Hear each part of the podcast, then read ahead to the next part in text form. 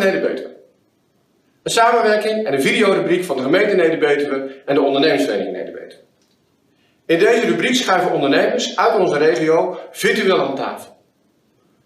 Ze delen hun zorgen rondom het coronavirus en de maatregelen die ze hebben genomen om te overleven in een moeilijke tijd. Ze kijken naar hun kansen, ze kijken naar hun bedreigingen en ze geven u advies. Welkom bij de uh, vijfde editie van Spraakmaken Neder-Betuwe. Vandaag gaan we het hebben over innovatie, over veranderingen, uh, ook over een stuk toekomst. We hebben het over het uh, onderwijs. En we willen heel graag weten met wie we aan tafel zitten. Ja, Jan Kokkelenberg, sinds drie jaar burgemeester in Neder-Betuwe. Daarvoor een aantal jaren wethouder geweest, maar vooral toen gecombineerd met het ondernemerschap. Ja, Marieke Hulsbergen, directeur van Helicon in VMBO Kesteren sinds twee jaar. En uh, daarvoor uh, op andere plekken in het onderwijs werkzaam geweest. Ik ben uh, Koen Speksnijder, sinds 2,5 jaar de eigenaar van de Oude Duikburg in Echteld. Ehm, dit doe ik nu een jaar of tien, met groot plezier. Henk Klop, eigenaar bij Klop Innovations. Sinds 2006 zijn wij met ons eigen bedrijf gestart. En wat wij maken zijn innovatieve producten. We leven natuurlijk echt in wel een hele bijzondere tijd. Um, kun jij iets vertellen wat dat uh, doet voor jou op burgemeesterschap? Uh, ja, dat is uh, totaal anders dan ik gewend was. Uh, en het wordt eigenlijk steeds complexer. In het begin was het gewoon heel simpel, er mocht niks. En iedereen hield zich eraan, dus het was redelijk simpel voor, voor, mij ook mijn functie. En nu zie je dat ik bijvoorbeeld met, uh, met de Duikenburg in discussie ben over de verruiming van de maatregelen voor de horeca. Wat betekent dat nou voor een, voor een dergelijk bedrijf? Uh, ondernemers zijn creatief en dat, dat, dat moet ook. Dat is ook een kracht, zeg maar. tegelijkertijd ja, zijn regels ja, niet altijd even flexibel zoals een ondernemer wil. En dat maakt mijn functie veel uh, discutabeler op het ogenblik. Dat ga je eens merken. Van uh, de voorman, de leider, zeg maar, naar nu van, uh, ja, volgens mij zit hij mij gewoon dwars in mijn bedrijfsvoering. Nou, die, die switch, dat is het hele lastige. Nou, de burgemeester heeft er al wat van gezegd. Jullie hadden iets bijzonders georganiseerd, een drive-thru. Kun je daar iets meer over vertellen? We zijn de eerste weken natuurlijk gewoon dicht geweest. een soort van in winterslaap gegaan. Alleen je weet gewoon niet in eerste instantie hoe lang gaat het duren wat zijn de gevolgen? Uh, toen zijn we na gaan denken over, nou, iedereen riep van afhaalmaaltijden, dat soort dingen. Uh, wij kunnen daar gewoon de koers simpelweg niet mee bedienen. Uh, toen heb ik verder gedacht van, nou, hoe kunnen we nou met meerdere ondernemers een ja, mooi platform maken waar mensen langs kunnen rijden om, ehm, ja, dat mensen de auto niet uit hoeven, zeg maar, en dat ze toch op een andere manier kunnen winkelen. Um, en toen kwam eigenlijk dit eruit, zeg maar, dat mensen ja, door die drive-thru konden met meerdere ondernemers en ja, dat we elkaar konden versterken om uh, ja, deze periode door te komen. En hoe succesvol is het geweest?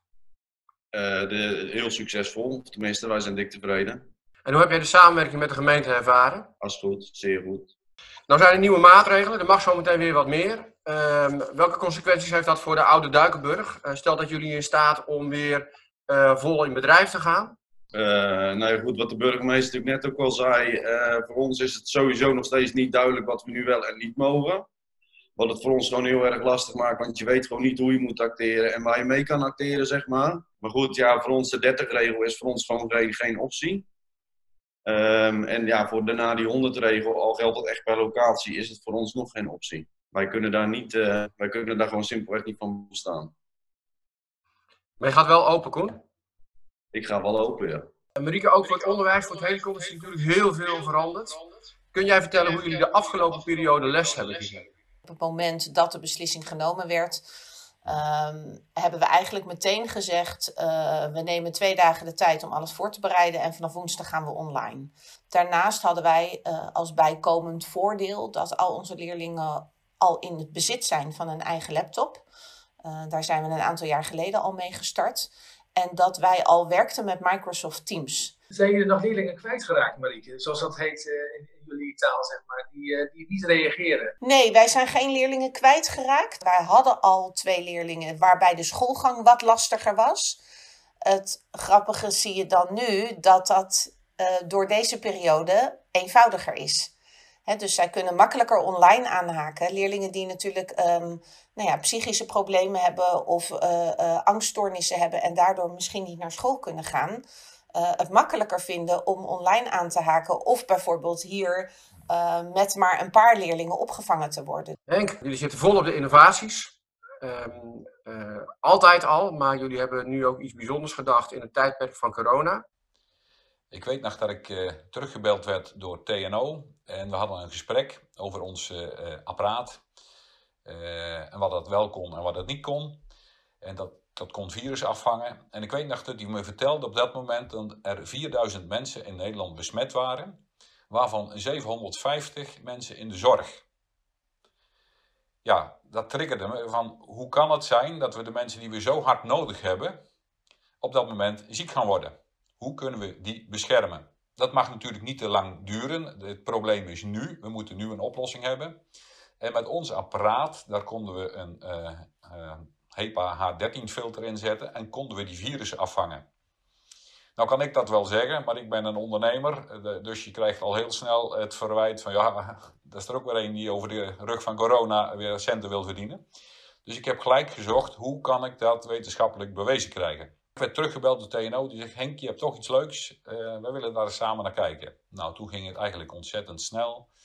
In samenwerking met een uh, kennis van me, uh, Rijkse interieurbouw uit Maurik, hebben we heel snel kunnen schakelen en samen met TNO een mooie oplossing kunnen verzinnen, zodat de zorgverleners ontlast werden, beveiligd werden, eigenlijk beschermd werden hoe moeilijk is het nu om zo'n product ook echt in de markt te zetten? Maar integreren in die markten, en die markt is uh, heel groot. Wat we nu gesprekken hebben is met diverse partijen uh, die al in de medische sector zitten. Jan, je bent ook voorzitter van het Laanboompact. Ja. Dat is natuurlijk een hele grote branche en industrie in de gemeente Nederbeut. Welke uh, gevolgen ondervinden zij? Over het algemeen uh, valt het nu nog wel mee, begrijp ik van de ondernemers, omdat met name het oogseizoen uh, grotendeels voorbij was in maart toen de, toen de crisis uitbrak. Dus het meeste bomen waren weg, zo gezegd. Provincie Gelderland heeft aangeboden van wij willen wel het restant bomen afnemen tegen, tegen kostprijs, waardoor er geen bomen vernietigd zouden hoeven te worden. en ik heb begrepen toevallig gisteren dat er nou ja, maar spaarzaam gebruik van gemaakt is omdat eigenlijk gewoon de meeste bomen weg waren. Mijn, grootste zorg voor de sector zit met name in uh, ja, de crisis die wellicht nu uh, aan het ontstaan is. En uh, dat is echt korte termijn. Kijk, lange termijn heeft natuurlijk de sector eh, de wind gigantisch mee. De hele energietransitie, klimaatproblematiek, zeg maar, is voor de, voor de natuurlijk een, dat liggen gewoon gouden kansen. Marieke, het Helicon zit samen met het Vlodestein College en Panterijn in Kesteren in School and Jobs. Wat doet School Jobs nou precies? Wat School Jobs doet, is een samenwerking tussen de drie scholen, de gemeente Neder-Betuwe en de ondernemersvereniging in Neder-Betuwe. Um, waarbij we twee keer per jaar bedrijfsbezoeken organiseren. Um, waarbij leerlingen vanuit het VMBO, van alle drie de vestigingen, naar ondernemers en bedrijven in de regio gaan om zich te oriënteren. Natuurlijk doen de eigen scholen daar ook het een en ander in. Um, snuffelstages, een dagje mee naar het werk, uh, stages in de bovenbouw, maatschappelijke stages. Dus daar zit eh, behoorlijk veel omheen.